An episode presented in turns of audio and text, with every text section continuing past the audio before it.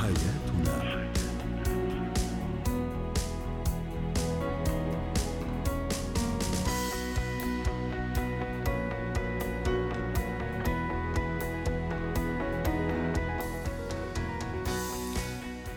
مستمعينا الكرام أهلا بكم إلى حلقة جديدة من برنامجكم اليومي حياتنا المتخصص بشؤون الأسرة والطفل والجمال مواضيع متنوعة بانتظاركم ابقوا معنا.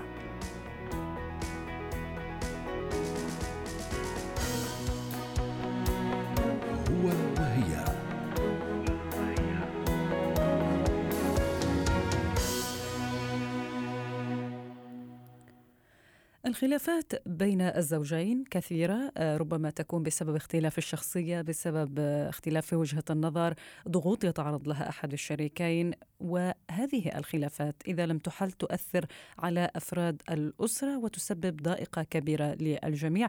نتحدث عن تأثير المشاكل الأسرية على حياة الأبناء وخياراتهم المستقبلية وكيفية حل المشكلات الزوجية. تنضم إلينا استشارية العلاقات الزوجية والأسرية دكتورة عزة حامد زيان أهلا بك دكتورة عزة. أهلا وسهلا ومساء الخير. مساء الورد. يعني المشاكل الزوجية قد تؤثر بالسلب على جميع أفراد العائلة خاصة إذا كانت هذه المشاكل تتخذ طبيعة أقرب لأن تكون عنيفة أو أن هذه المشاكل تستمر لفترات طويلة. الآن كلمة نبدأها للزوجين حول تأثير هذه الخلافات على أبنائهم. الأول حضرتك طبعا معاكي حق بس تعالوا نتفق إن ولادنا رادار راصد لكل حركة وتصرف وايماءه ونظرة لكل أب وأم جوه البيت.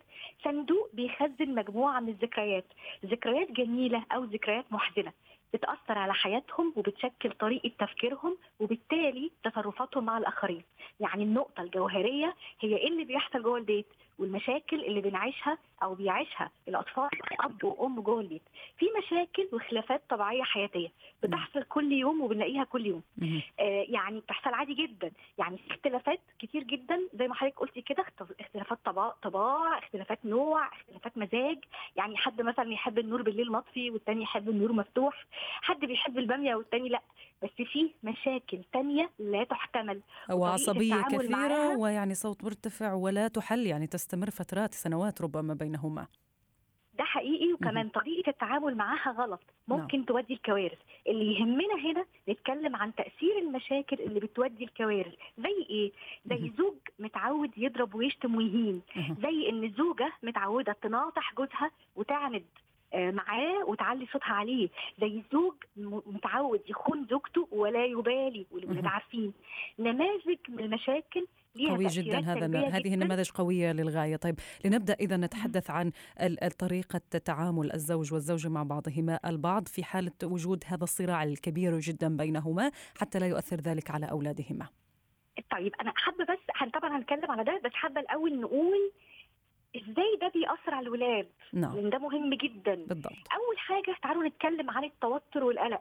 كتير من الناس فاكرين إن التوتر والقلق حكر على الكبار بس لكن بنشوف كتير من الأطفال بيحاولوا يأذوا نفسهم.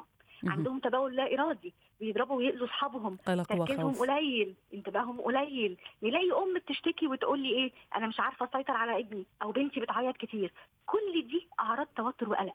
كمان نلاقي الأطفال اللي جوه بيوتهم مشاكل وخناقات بنلاقيهم مش مركزين في دراستهم نعم. مشتتين نتيجة تفكيرهم الدايم في مصيرهم.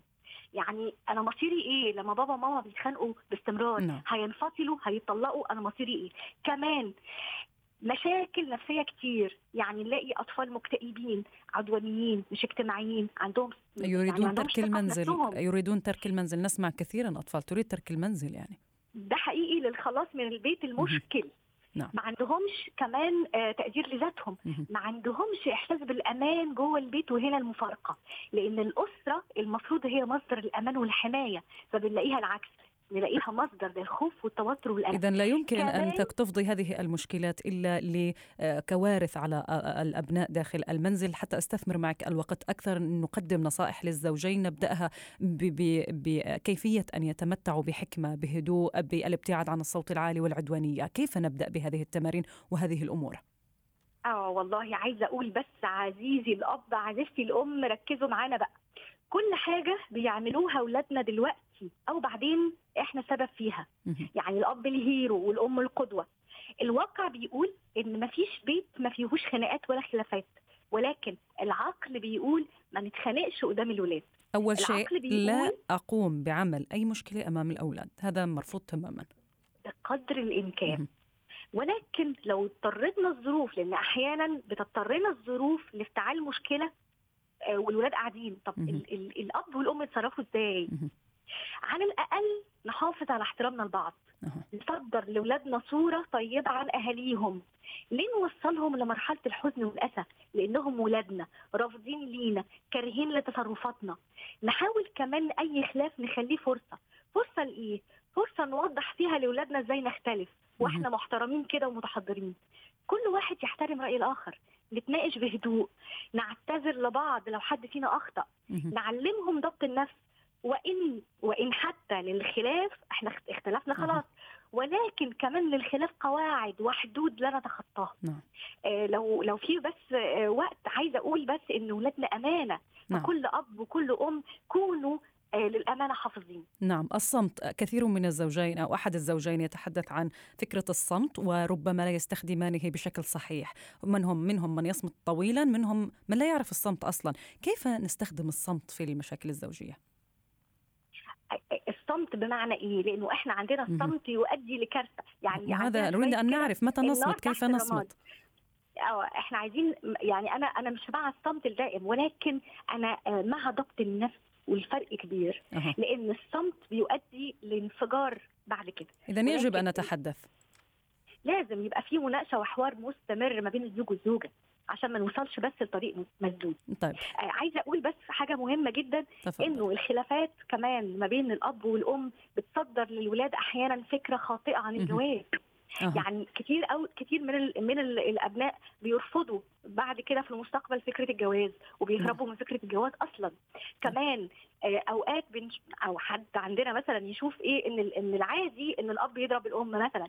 فيتحول الابن لحاجة من الاثنين لشخص أوقات في المستقبل عند الارتباط شخص حريص جدا لعدم تكرار الصورة اللي كان رافضها أو. العكس. أو. العكس يكون عنيف ضد زوجته أو بنته وشايف إن ده شيء طبيعي طيب دكتورة وان عزة. أنتوا مش أحسن من آه، والدتي. أها دكتورة عزة إنهاء الموضوع نهائيا وعدم التذكير به يعني كثير من الناس تربط المشكلة القديمة بالمشكلة الجديدة والجديدة بالقديمة. يعني إذا انتهت مشكلة كيف لا أذكر بها؟ وأهمية عدم التذكير بها أيضا وربطها. هو للأسف إنه للأسف إحنا بنلاقي أزواج وزوجات بيفكروا الحقيقة في المشاكل اللي فاتت. وقت الخلافات الحالية نعم. فالنصيحة لكل زوج كل زوجة من فضلك لو حصل خلاف خليك في المشكلة الحالية فقط نعم. لأن عندنا مثلا زوج يفتكر آه، خناقات حتى من أيام الخطوبة نعم.